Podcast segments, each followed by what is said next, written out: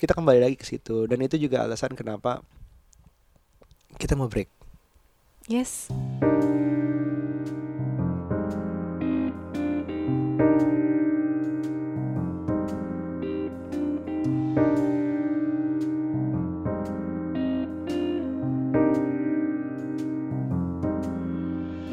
Good morning. good morning Good evening. good night Bye. bye itulah akhir dari Oke, apa kabar kamu hari ini? siapa aku Ya, berat banget kenapa tuh? jadi sejak pulang dari New York Mm-mm. Aira kan kamu tahu bahwa dia sakit sakitnya mungkin ketularan orang lain Mm-mm. terus sembuh terus sakit lagi pingpongan sama diriku sama dirimu dan Mm-mm. sama Wawa Mm-mm. Sakitnya flu aja sih guys, sakitnya cuman sebenarnya flu batuk. aja sepertinya batuknya ada yang sampai 15 menit tuh kayak non, hampir nonstop tuh Mm-mm. kencang banget terus hilang selama berapa hari terus batuk lagi kalau sekarang tuh durasinya mungkin sekitar per setengah menit satu menit tuh ada batuk pasti Mm. kayak dua tiga batuk Kayak kasihan banget sama airanya yang batuk capek gitu, tapi kita juga pusing dengerinnya sebenarnya. ya iya kan? dua-duanya mau mau sebel tapi kasihan Iya, terus kita punya dua anak. Mm-mm. Aku pikirannya kepecah karena aku takut Shua ketularan gitu. Jadi- Gimana caranya kayak gitu? kemarin Nucha kerja and I took a day off ya sambil kerja di rumah lah ya I took a day off Mm-mm. and abis abis kita ke dokter nganterin kamu ke kantor Aira tuh nangis pengen banget lihat lihat nggak tahu deh pokoknya nangisnya tuh udah nggak jelas nih tiga hari ini nih so kalau nangis tuh udah nggak jelas hari Sabtu pun tidur siang empat kali kebangun empat empatnya nangis karena mimpinya Mhm. mimpi yang berbeda semua jadi empat nih, empat kali. empat kali empat kali kamu di atas kan Iya. empat kali empat kali tuh empat empatnya nangis Hmm. walaupun ada tidur lagi tapi nangis dulu tidur lagi gitu gitu terus udah gitu dia dia bilang pokoknya ada hal yang kayak nggak aku iyain Mhm. seperti satu beli balon walaupun karena aku merasa overpriced balonnya Berapa sih? tiga puluh sembilan Oh, ribu Oke. yang biasanya Nggak lima belas penting ya? ribu nggak penting sih sebenarnya cuman pengen ngajarin dia sekali sekali disiplin udah nggak usah nggak usah semuanya diturutin gitu tapi ke bawah mimpi terus nangis Iya sih. Nah, kemarin waktu nganter kamu antar bisa di rumah sakit, di rumah sakit dia ngelihat ada mother care, mother care tempat makanan gitu dia lihat. Apa sih nggak pernah ngomongin tempat makanan terus sekarang pengen beli tempat makanan cuman karena lihat sebelumnya sebelumnya mau beli susu yang di yang di Vending vending, machine. machine. tapi rusak. Terus dia marah. Ya udah beli di mother care dia mau beli itu nggak aku kasih sama sekali karena ngapain udah tahu nggak Mm-mm. perlu gitu bukan masalah harga bukan masalah apa tapi nggak perlu lu cuma pengen BM doang gitu. Tapi kamu tau gak sih mungkin ya kesensitifan Aira yang jadi gampang marah gitu, Mm-mm. gampang nyetrum kan? Mm-mm. Ya itu karena dia lagi sakit, badannya nggak Iya, enak. iya Pasti kayak sih. kita aja gitu. Kita lagi lagi nggak enak badan, terus ada hal yang nggak nyaman, makin kayak Iya. Iya kan? Iya banget. makin kesetrum gitu, kesel, kesel, marah. Nah, tapi anak kecil kan Betul. Mungkin dengan Nggak bisa jelasin dengan benernya teriak gitu. Kalau kita kan mungkin dengan judes gitu. Apain Mm-mm. sih? Iya, dan kita bisa mengkomunikasikan persis apa yang kita sebelin. Iya. Kalau anak kecil tuh kayak mau itu pokoknya kenapa gue nggak tahu gue nggak bisa jelasinnya pokoknya gue mau itu gitu. Aha. Terus nganter kamu balik ya udah kita muter balik nangis tuh di perjalanan ya udah kita muter balik nanti kalau udah selesai nganter ibu nganter ibu muter balik muter balik dia tidur bu Hmm. dia tidur di pelukanku aku ya udah si wance nyetir segala macam isi bensin udah masih tidur terus sampai rumah masih tidur digendong begitu Mm-mm. ditaro bangun bangun ngapain nyari beli makanan beli tempat makanannya itu Iya pasti kepikiran Aira tuh gitu My gampang God. banget gampang banget kalau lagi tidur itu nigo karena sesuatu hal yang dia nggak kesampaian yang dia kesel pokoknya hal-hal yang negatif lah sebelum dia tidur dan itu pasti akhirnya kepikiran dan akhirnya aku berangkat sadar. lagi Mm-mm. berangkat lagi beli dan itu nggak murah siang tapi karena anak sakit karena ya begitu ya sudah habis dibeliin dia ber- mau sih makan pakai tempat itu walaupun itu tempat buat dibawa pergi makan Mm-mm. buat bekal Mm-mm. akhirnya dia makan pakai itu aku belum lihat tuh iya. bentukannya belum lihat ya Belum. jadi kayak tempat makanan ah pokoknya ada dalamnya ada Oke lagi deh. lah gitu ya ya ya kalau aku oh kamu belum Oh, selesai, ya belum selesai selesai. terus ke bawah malamnya em, ya gitu karena memang anak punya ini mungkin yang belum menikah belum tahu ya kalau sakit udah gitu punya dua anak tuh hal terberat dalam hidup karena sebagai orang tua ya karena em, pasti pingpongan dan pasti kita harus misah Iya. Dan itu susah banget misahnya. Jadi Bapaknya nemenin si kakak tidur di Mm-mm. kamar kakak, terus ibunya harus nemenin adiknya. Mm-mm, dan itu harus Berdua. bisa. nggak usah nggak usah bukan karena sebelnya itu bukan cuma karena ego kita mau tidur ego gue ya mau tidur sama istri, tapi juga karena Ngeliat anak sakit ngeliat anak sakit tuh jauh lebih berat rasanya. painful buat kita ya. uh, cuanya itu nempel terus ne- mentil terus ke ibunya walaupun mungkin dia belum full sakit ya tapi Enggak sih. kayak ada ya perasaan gak enak aja gitu Iya, takutnya gitu. Uh, sedangkan si Aira tuh tidur di atas gue yang kayak batuk-batuk terus nggak bisa tidur gue juga nggak bisa tidur pokoknya semua itu bercampur aduk deh tengah malam dia dia dia jam sembilanan gitu pengen gitu pengen ke atas pengen ke kamu Hmm. aku larang segala macem sampai nangis nangis ya udah bertahan demi adiknya juga nggak sakit Hmm. terus jam 12 aku mau pipis bangun nggak boleh nggak boleh pipis sampai aku gua aku Hmm. nggak boleh ke toilet sampai dia nangis marah-marah Oke. mau itu toilet sambil gendong mau itu ditaruh dulu akhirnya pokoknya dia marah marah nangis Dan mungkin nih buat yang buat yang dengerin juga, jadi tuh sebenarnya nih agak-agak berturut-turut nih eh, Hmm. anak-anak nggak enak badannya. Jadi dari hari Rabu minggu lalu Aira itu udah demam, nggak enak nggak enak Hmm. badan dari minggu lalu. Abis itu kan baru mulai flu-nya. Shua hari Jumat malam Demam. anget gitu, angetnya lumayan sampai 38,6. Itu pertama kalinya Shua demam. iya Ya aku nggak deg-degan sih karena sebenarnya anak uh, Shua sama Aira aku udah biasa demam gitu kan. Nggak Ini Shua sedeg-degan pertama dulu ya. kali. Ini Shua pertama kali. Dan itu tengah malam. Aku udah sebenarnya paling paling sepaneng kalau anak anget itu tengah malam. Karena apa? Kalau misalnya sampai amit-amit terjadi sesuatu gue harus ke mana rumah sakit yang mana nih? Aduh Iya. adanya dokter jaga lagi. Dan sementara gue tuh agak kurang Perca- gimana gitu sama gitu dokter lah ya. jaga. Eh, eh, karena, Karena udah kejadian. Nggak nggak nyaman lah patokan dengan kita tuh tiga sembilan setengah ya. Iya kalau udah lewat tuh kita bawa kayaknya. Iya, nah terus sebelnya lagi adalah pas di malam itu tau nggak, yang ada gini, kan gue dibilangin ke Aryo, tuh kan ketularan deh nih si adiknya. Aku pikir tuh ketularan, ketularan kan, aku Hmm. pikir nih karena demam dulu. Aduh capek deh nih kalau kayak gini. Makanya kamu tuh kekeh-kekehin Aira biar tidurnya terpisah gitu. Kamu kamu dong yang maksudnya in charge untuk untuk pegangin Aira tidur malam tuh dibawa di kamarnya Aira aja, nggak usah gabung sama aku sama Shua gitu. Tuh kan jadi sakit gitu.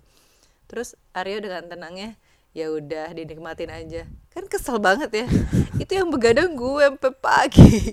Itu kesel banget.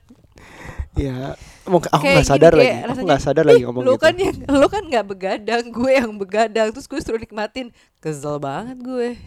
Iya, maaf ya. Jadi memang sempat kita pun it uh, these these two kids this condition drives us crazy sih personally. Jadi yang biasanya mungkin hal seperti ini nggak akan kita nggak akan berantem, cuman ya Iya, akibatnya jadinya sensi gitu, lumayan banget dua-duanya. Kayak tapi ya alhamdulillah Shua nggak sakit aku juga ya udah lebih lega gitu loh Mm-mm, cuman mm-mm. satu malam itu doang nggak tahu kenapa kayaknya sih agak-agak diare agak diare sih karena yang di agak ha- diare empat kali, lima kali sehari kali itu ya. Eh, karena enam kali jadinya. setelah dia demam itu di hari itu dia tuh pupnya sampai enam kali Dan warnanya gitu. berubah. Eh, eh, warnanya agak sedikit berubah tapi udah gitu sih alhamdulillah udah biasa lagi normal nggak ada flu juga Mm-mm. jadi mungkin karena Ai- siapa Shua kan tuh kan aku selalu salah ngomong Aira Shua nggak apa-apa. Shua tuh suka gigit-gigit fase oralnya lagi jalan. Jadi dia semua mainan digigit, tangannya digigit, padahal selalu dilap, dilap, Iya, dilap. selalu kan di aja ya sterilizer, ada bakteri. Entahlah. ya gitulah jadi um, uh, wears us down emotionally um, kayak ya kayak semalam pun gue chat Nuca lagi keadaan kayak gitu chat Nuca Nuca matiin handphone. Terus Kesel kan rasanya kamu? agak kesel juga sih kayak dicuekin kayak dicuekin tidur ditinggal tidur. Padahal dia nggak tidur mungkin. Iya, padahal, padahal, aku bisa aja uh, bawa ke atas akhirnya gitu Aira minta Iya. tolong kayak despert gitu. Bendera putih aku ke atas ya udah nggak mau tahu bantuin gitu. Tapi ya udah aku fight terus gitu. Dan itu ngerasain. Ya udah kayak menghukum diri lah ya udah deh padahal tuh aku kebangun-kebangun karena kan Shua juga bangun. pastilah nggak mungkin nggak bangun aku juga nih nggak mungkin nggak bangun nih Iya, cuman emang aku matiin handphone dengan harapan bahwa gue tuh mau mau mengganti tidur kemarin-kemarin yang kurang nih. Jadi kalaupun coba bangun, nenen, abis itu udah aku mau tidur. Karena kalau ngeliat handphone tengah malam itu pasti melek lagi. Iya, dan itu alasan kenapa yang kamu tanya kok kamu bisa sih main tengah malam gitu segala macam. Karena di saat memang ngelihat layar dan berinteraksi dengan layar, bukan cuma nonton ya. Hmm. Jadi kayak social media atau game atau apa, otak jadi kerja susah, tidur jadi susah lagi dan itu suat, selalu kesalahan yang aku keep doing it gitu Iya dan Arya alasannya di malam itu yang bikin gue kesel adalah sorry ya aku tuh nggak kuat begadang. Wah, bukan lu nonton bola tengah malam, Ayo, bukan guys. kalau main PS tengah malam itu bisa, hah? para suami Megang anak yang sakit gak bisa apa? help me out pasti banyak yang begini aku tahu deh Kesel abis itu ya udah kita emang sensi-sensian sih diem ngobrol sih ngobrol tapi udah Iya. lempeng. kamu tahu nggak ada podcast ya um, tentang ini di, aku dikasih tahu sama si Ari aku lupa namanya uh, uh, Gentlemen in Minivans kalau nggak salah Hmm. jadi dia punya kayak VW kombi Mm-mm. um, untuk kumpul sama teman-teman eh, untuk untuk kumpul sama teman-temannya sama me time dia sendiri di parkiran di garasi Wow. jadi karena dia pengen pengen kayak get out of the house Mm-mm. tapi gue nggak pengen nakal gue nggak pengen spend banyak duit gue nggak Hmm. pengen aneh-aneh gue cuma pengen di, di di mobil gue aja udah jadi dia beli mobil yang gede VW kombi entah itu dalamnya ada TV Eh. ada kulkas ada yang pengen menikmati kayak sih waktunya sendiri karena kalau di rumah dia tahu dia pasti ada anak ada apa gitu segala macam can you feel th- that's uh, yang dengerin gue bapak-bapak yang dengerin gue itu kerasa tau nggak bahwa bapak-bapak itu kayak nggak boleh komplain. Kita balik lagi ya ke dasar kenapa podcast ini berdiri adalah di saat uh, orang tua itu dianggap pertama or- orang tua itu dianggap salah bahwa kalau dia ngerasa nggak kuat komplain. Aku kemarin baca ada tweet siapa yang dia disalahin sama suami istri ya disalahin Mm. sama suaminya karena anaknya nangis terus. Mungkin ini mungkin ini uh, udah nggak ada zaman sekarang tapi masih ada lah sedikit sedikit gitu Mm. yang kayak gimana sih jadi ibu gitu berantemnya kayak gitu. In in another way orang tua itu boleh kok komplain. Iya. ada kita di sini kita mau kita nih kerjaannya komplain menjadi orang tua. Bukan tidak mensyukuri sama sekali. Enggak we're, we're we're deeply in love with our kids.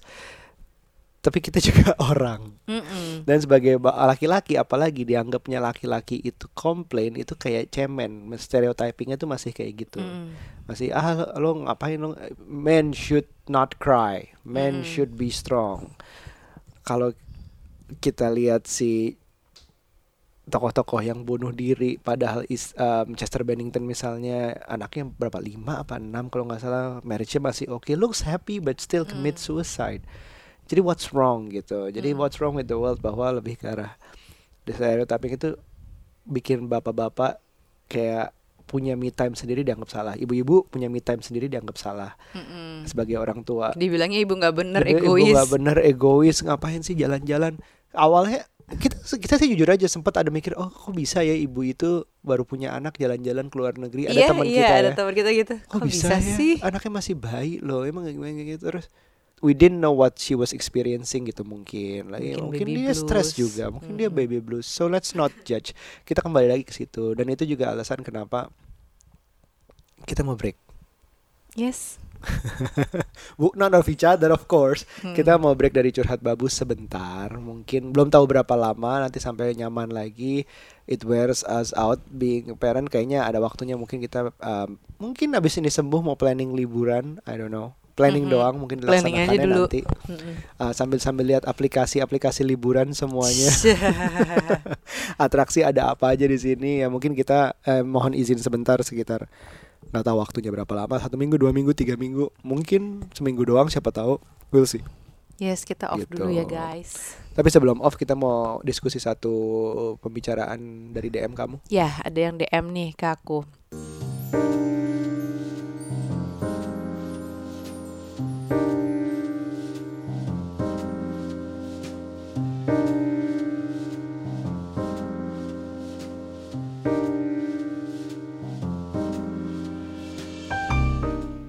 Oke, dia bilang dia request konten kalau berkenan. Oke, kita berkenan. dia bilang gini, aku pengen tahu dulu pas awal-awal lulus kuliah gimana sih cara kakak dan kak Aryo mulai stage baru ke dunia kerja. Aku baru lulus tahun ini dan kebetulan ikut program fast track lanjut S2. Tapi aku bingung harus gimana sekarang. Jadi pengen denger dulu nih kakak gimana menghadapinya. Thanks a lot. jadi lebih ke arah ke S2 atau kerja dulu gitu Yes. tapi kamu cerita aja dulu kamu gimana Oh, kalau aku Mm-mm. kebetulan ini kan perempuan ya yang Iya. yang yang DM aku Ha, ha, ha. cewek Berarti kan kalau baru lulus tuh sekitar umur 21 22 ya kayaknya. Kira-kira. Heeh, kalau on track. Ini lulus S1 kan? Iya. Iya, ha, Karena dia terus? mau lanjut S2. Kalau aku dulu kan aku bilang tuh ambisius ya. Di Mm-mm. umur aku udah udah tahu aku harus selesai kuliah maksimal 22 tahun lulus S1. Mantap. Terus Heeh. Aku lulus kalau nggak salah di umur 21 deh. Mm-mm. Terus udah gitu eh, aku tahu aku harus kerja dulu daripada aku S2, tapi aku har aku punya target sebelum 25 aku udah harus S2. Oke. Mm-mm. Oke. Jadi begitu aku kerja setelah lulus S1 aku langsung kerja. Iya. Kebetulan di bank yang eh, City Never Sleeps. Iya, udahlah. Sebut aja nggak apa-apa. Ah, terus Dari situ aku baru mulai S2 setelah itu. Oke. Gitu. Nah, eh, sambil nggak? apa? Sambil. Sempet sambil tapi habis itu aku resign karena nggak kuat. Nggak Capek kuat. ternyata. Nah, jadi banget. jadi kamu lebih mementingkan studi kamu dengan target yang 25 itu. Iya, uh-uh, dengan harus target S2, itu. ah. Pokoknya at least aku harus tahun kerja dulu gitu. Mm-mm, Kan mm-mm, ambisius mm-mm. ceritanya. Nah, kenapa aku eh, kerja di city yang eh city ya sudah, City yang never sleep. City, City Never City, Sleeps, gitu. iya. City Never Sleeps itu sebenarnya karena seniorku dulu di situ. Nah, aku Oh, senior di universitas. Ah, ah, senior di kampus. Jadi di situ terus aku apply. Nah, aku juga mulai dari bawah banget. Mm-mm. Eh, itu kebetulan Apa aku bagian kartu kredit kan. Oke, jabatannya apa namanya? Jabatannya eh, relationship officer. Officer. Oke. Begitu aku masuk. Terus eh semua di timnya seniorku ini, aku kan bagian dari timnya. Jadi di timnya ini harus turun ke bawah. Walaupun sebenarnya relationship officer ini eh handle-nya adalah Office. corporate. Corporate. Uh, uh, tapi diajarin lo tuh harus mulai dari bawah sama dengan marketer lainnya yang mulai canvassing di mall-mall nawarin kartu kredit atau Hmm. di uh, gedung-gedung perkantoran. Iya. Dan aku melalui itu Kamu gitu. kamu- Tadinya nggak mau gengsi dong, gila lo gue udah S1 gitu kan. Iya. Terus kayaknya kok gue udah keren-keren gini gue harus di canvassing gitu nawar-nawarin harus ke mall nawar orang terus dimentah-mentahin. Iya, terus dimentahin di enggak mbak, sorry mbak, sorry mbak, atau yang mbak mbak kabur, bapak bapak kabur itu kan kalau dideketin. Aku dong. Iya. nah, aku tuh kayak gitu. Aku udah jadi dari bawah dan menurutku itu pengalaman yang luar biasa sih kalau ngelihat sekarang aku udah di mana gitu kan. Pengalaman dulu tuh yang gila ya. Dulu tuh gue eh kalau ngeliat mbak-mbak di mall nawarin kartu kredit ya gue pernah kayak gitu sampai akhirnya gue punya tim sendiri. Terus ya memang targetnya adalah corporate tapi memang belajar dari bawah itu nggak pernah diajarin di kampus nggak ada Oke. pelajaran dari kampus Benar, benar. gitu. Yang Terus? ada di kampus kan kita udah belajar eh, di kelas, terus mungkin ada yang organisasi, tapi begitu lulus kuliah, pride kita lumayan tinggi tuh untuk Wah. canvassing menurutku. Ya itu semua juga karena ya udah deh macam-macam sih ya macam-macam lulus gue udah S1 orang tua gue juga mampu jadi sekolahin yang lebih Iya. baik Ah, kan levelnya tuh gitu-gitu. seolah-olah tuh ya, ya. aduh kalau bapak gue tahu gue kayak gini pasti nggak boleh deh kayak gitu gitu loh. Cuman aku waktu itu tetap jalanin aja, lempeng aja. Nggak berarti ini emang harus dilewatin nih. Akhirnya sih aku memang eh, cuman kerja satu setengah tahun lah. di tapi situ. memang Habis itu dites doang untuk di lapangannya tuh nggak lama kan Memang lama, dia pengen lama. tahu doang Mm-mm. kamu sanggupnya segimana Heeh, gitu Dan terbiasa punya target kan kalau di kartu kredit itu kan Iya. harus punya target kan. Lo dalam satu bulan harus eh, punya harus punya account 30 kartu kredit misalnya gitu. Mm. Ya gitu nyari-nyarinya ya nelfonin, nelfonin yang ditelepon memang udah ada ininya sih eh, leadsnya. Mm. Tinggal ditelepon karena corporate kan. Nah, jadi sekarang yang aku pelajarin dari hal-hal yang basic banget kayak gitu adalah menghargai orang. Gitu. Kayak misalnya di mall-mall atau even kita diteleponin sama dari eh, eh, market telemarketer gitu. Kadang banyak orang tuh nggak sopan kan. Ada kartu kredit ya, langsung dimatiin. Aduh, aduh mbak, mbak, sorry nggak, nggak, nggak, nggak, gitu kan. Pokoknya yang jutek-jutek gitu. Jadi karena aku tahu, aku pernah di situ, aku sudah "Eh, mbak mohon maaf aku nggak aku nggak nggak apa namanya lagi nggak butuh. Lain kali ya. Dah. Terus ada yang nawarin nggak mbak maaf saya buru-buru. Tapi tetap senyum yang kayak gitu loh. Iya. karena aku tahu aku pernah kayak gitu aku kadang-kadang suka sebel sih memang Apa? sama, sama telemarketer. Iya kan kamu karena pada dasarnya kayak, gitu. aku nggak nggak nggak yakin it works. Tapi kayaknya dengar cerita dari kamu kayaknya kalau masih dilakuin mungkin masih works gitu telemarketer. Terus udah gitu eh, paling sebel kan dapat nomornya dari mana Iya, segala macam gitu-gitu. pernah zaman dulu banget tuh aku cecil dapat nomor dari mana? Oh iya kami ada udah di database kami. Iya dari mana? Aku gituin terus dari mana dari mana dari mana ada ada temanku tuh yang sama sekali berusaha nggak ngasih nomor telepon ke mana pun Hmm, iya tahu. Tapi iya ya kayak gitu-gitu tuh pengalaman yang nggak pernah diajarin di kampus sih menurutku. Iya. Jadi eh, belajar belajar di pekerjaan yang terus abis itu aku lanjut S2 kan. Karena emang targetku kerja nggak lama setelah S1 karena aku Hmm. Kamu mau lanjut S2. S2-nya adalah politik ya. Iya, komunikasi politik. Nah, dari komunikasi politik itu terus nyambung lagi aku kan Akhirnya kerja di dunia dunia politik, Politik. selama kurang lebih dua tahun. Di di konsultan, konsultan kok. Tenang politik. aja bukan karena nyambung kan. Ya udahlah nih relevan banget nih sama kuliah gue. Ya udahlah gue kerja di situ. Kayaknya hampir dua tahun deh aku kerja di situ. Kok kamu nggak bilang pengalaman kamu yang apa? Di SMP atau bye bye ya terus terus. Iya terus kuliah karena emang aku suka politik kan abis itu lanjut konsultan politik eh justru aku agak berpaling karena aku suka riset. Iya. agak berpaling ke riset company. Lokal punya. Yang kantornya yang di lumayan yang lumayan Eh, terbesar sekarang ya? di Jakarta ya di Kalau Indonesia. lokal terbesar kayaknya. lokal terbesar Ah, dia. ah, ah.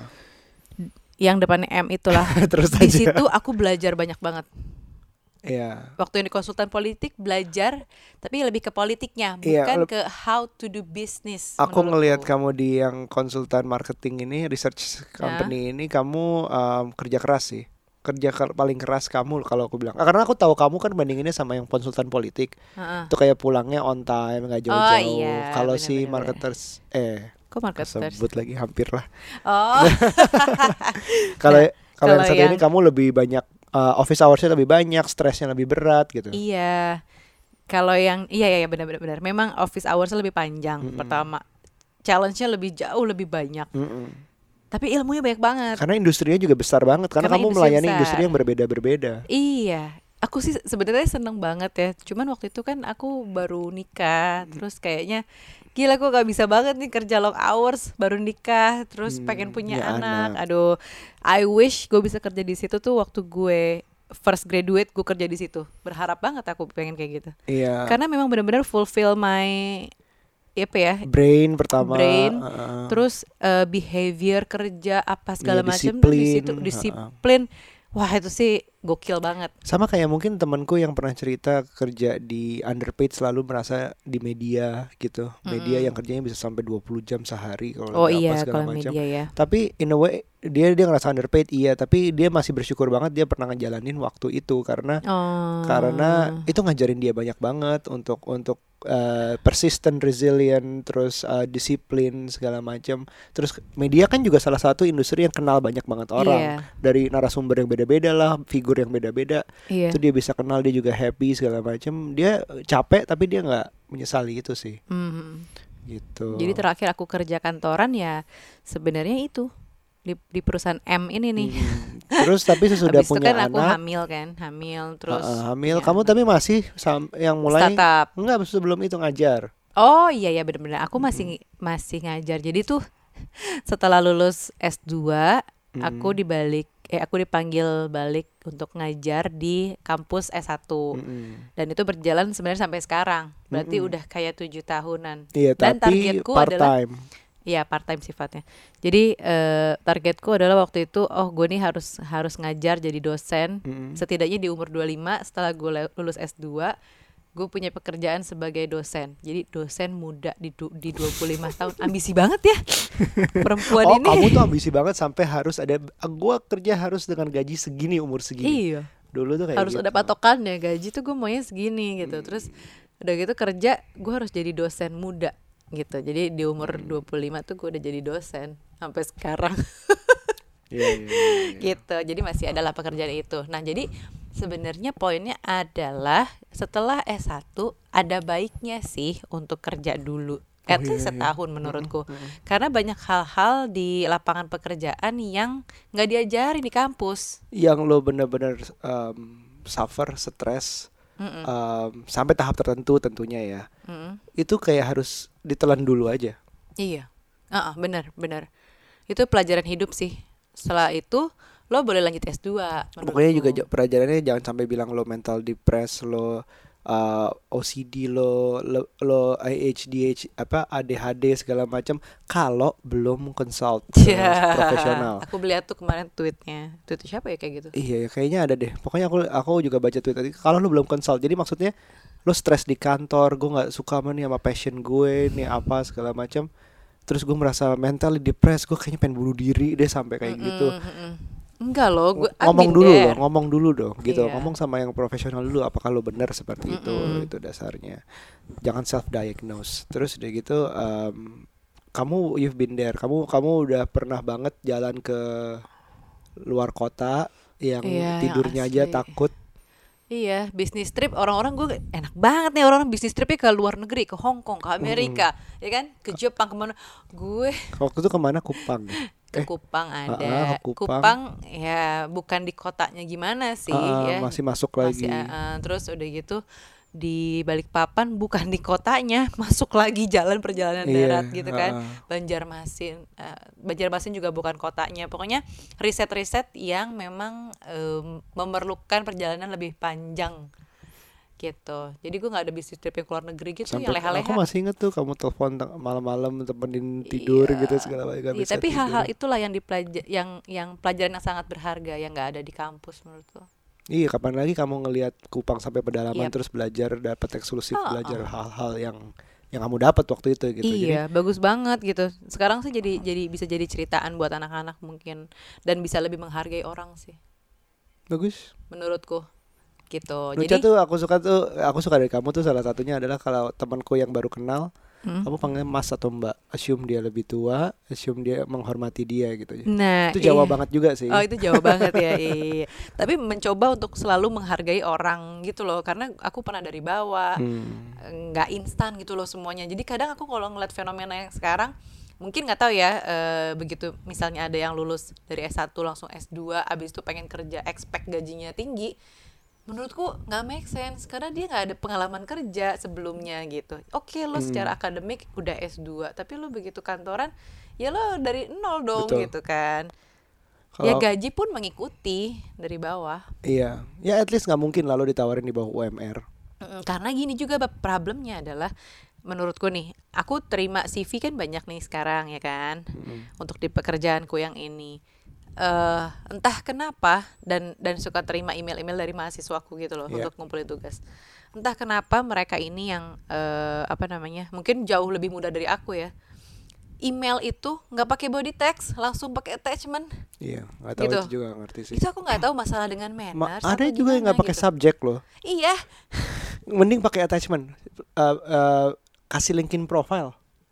Iya, Mbok. Ya ada bahasa basi. Nah, itu tuh yang nggak diajarin di Iya. kampus. Aku nggak ngerti kenapa. Terus terus aku klik linkin profilnya, Ah. biasa aja. Maksudnya kalau lo tiba-tiba lo siapa gitu, wow gitu kayak. iya kan? Eh, eh, cuman yang wow banget sih nggak akan ngemail ngirim linkin profile iya sih. iya sih bener bener bener bener. Cuma gitu banyak hal yang dipelajarin di di apa di kantor di pekerjaan yang kalau nggak dapetin dari hari-hari di kampus segampang ngirim email kan ada ya subjeknya apa. Terus eh, kayak dear eh, Kanucha dear Mbak Nucha Iya. eh, berikut ini Iya. ini ini. Nggak usah pakai bahasa Inggris lah nggak apa-apa bahasa Indonesia. Berikut saya lampirkan CV saya bla bla bla. Semoga bla bla bla. Ditunggu kabarnya. Apa kayak attachment? Ini body text suka nggak ada. Subjek suka nggak ada. Iya, iya. seolah-olah kita tuh apa ya cuman kayak mesin penerima kali ya Kalau kalau kerja di kantoran ya apalagi kantoran zaman sekarang udah pasti semua ada email tuh diajarin manners email tuh sesimpel itu Hmm. gitu.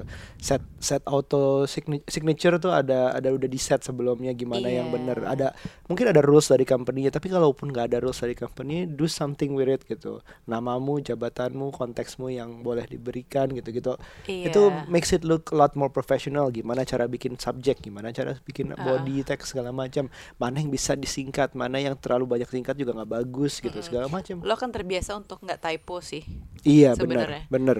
dan tahu kap- huruf kapital yang mana bahasa Inggris tuh gimana gitu-gitu Iya. Padahal office ada typonya tuh m- grammar masih second level deh, mungkin lebih berat daripada typo. Tapi kalau orang masih typo udah pakai word gitu segala macam, itu agak bingung gitu. Tinggal itu di mental kerja juga Iya. dulu aku kalaupun misalnya nggak tahan gitu ya tapi aku nggak pernah nunjukin muka bete gitu nggak sih Hmm.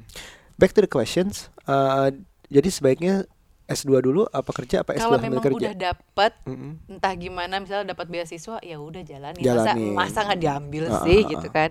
Itu kita yang eh kamu pernah ya ada bagian beasiswanya ya? Eh, Iya, aku waktu S1 ada beasiswanya tuh selama berapa semester cuman dulu bandelnya aku adalah aku bilang papaku aku nggak dapat beasiswa jadi aku dapat duitnya dapat duit Ya kuliah Allah, ini mulai dari bawah nih street hustler banget nih. Ah, Nyatut-nyatut. iya padahal itu dosa banget ya kayaknya aku Dosa. dosa sih asli aku bilang papaku nggak apa nggak dapet beasiswanya padahal tuh aku dapet terus aku dapet duitnya deh Akhirnya beasiswanya nggak berkepanjangan. nggak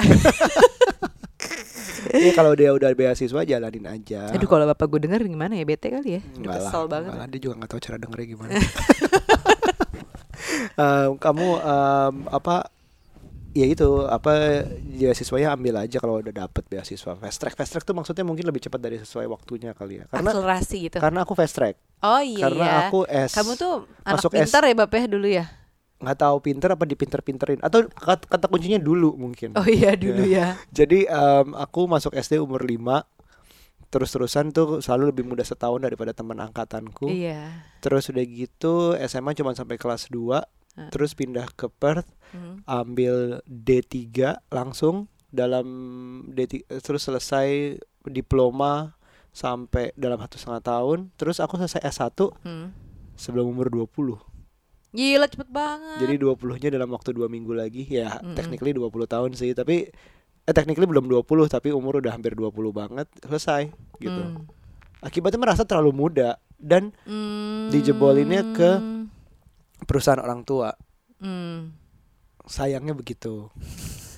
In a way in a way it's good um, karena kayaknya ter- terjamin semuanya tapi gue merasa bahkan untuk ke kuliah pun sejak SMA tuh aku yang ngerasa udah ini kayaknya SMA gue nggak bisa bawa gue jauh-jauh deh Mm-mm. Jadi aku yang minta untuk kuliah di luar. Kebetulan orang tua mampu Mm-mm. yang lihat-lihat kuliah, yang lihat-lihat apa pameran pendidikan. Mm. Satu kali ke pameran pendidikan aku langsung tes, langsung iyain aja. Langsung tuh.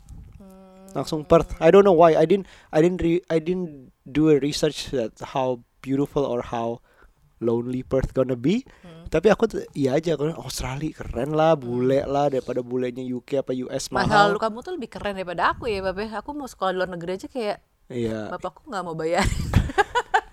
Kayaknya bapakmu tuh sebenarnya mampu, cuman kamu nggak boleh anak perempuan Iya, keluar mungkin ya. mungkin. Mungkin juga Kayaknya ya. sih pikiranku sih mampu sih. Gitu. Terus em, apa namanya ke S2 pun Hmm.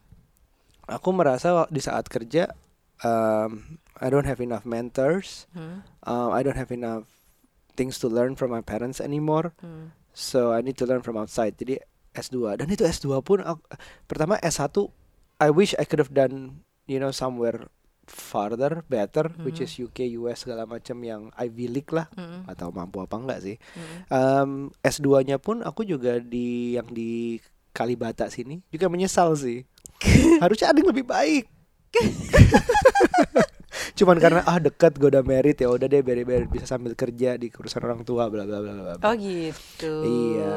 Makanya aku juga penasaran sih sebenarnya dulu kamu kan dari Perth eh, S2-nya kenapa nggak di luar lagi aja gitu aku pikir ya. Iya. Atau minimal yang negeri lah gitu. Mm-mm. Could have done better. Uh, terus juga di uh, tapi pelajaran-pelajaran di Perth tuh justru aku dapat banyak banget di luar Hmm. sekolahnya. Mm-mm.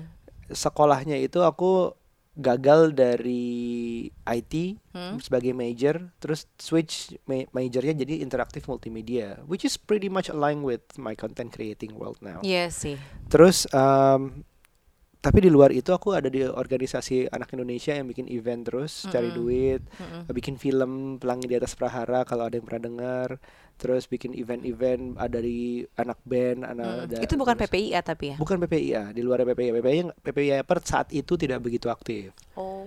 Uh, kalau nggak salah Ibas masuk jadi aktif lagi lah. gitu. Terus um, ada gitu.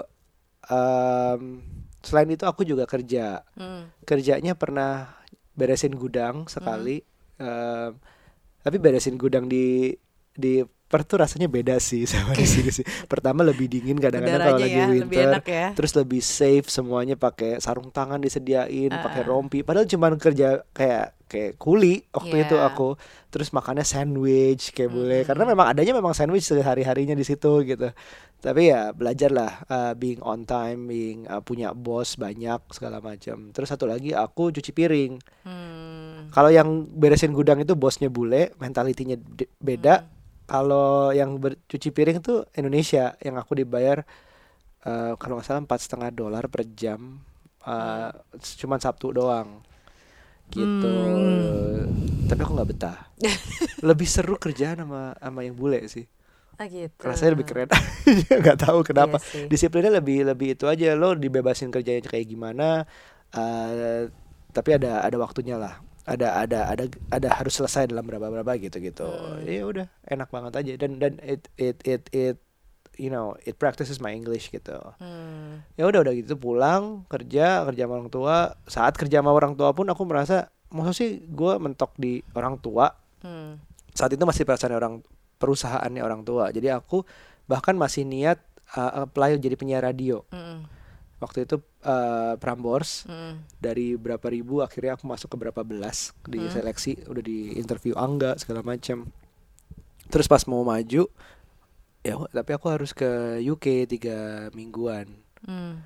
urusan kerjaan Hmm. ya udah gagal Hmm. terus hard rock aku nyoba lagi kan. Tapi itu basically kamu bekerja itu eh, justru karena given ya.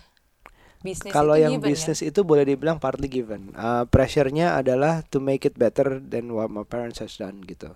Jadi pressure-nya uh, orang yang mulai dari nol terus jadi sukses itu nggak ada benchmarknya. ya. Mm-mm.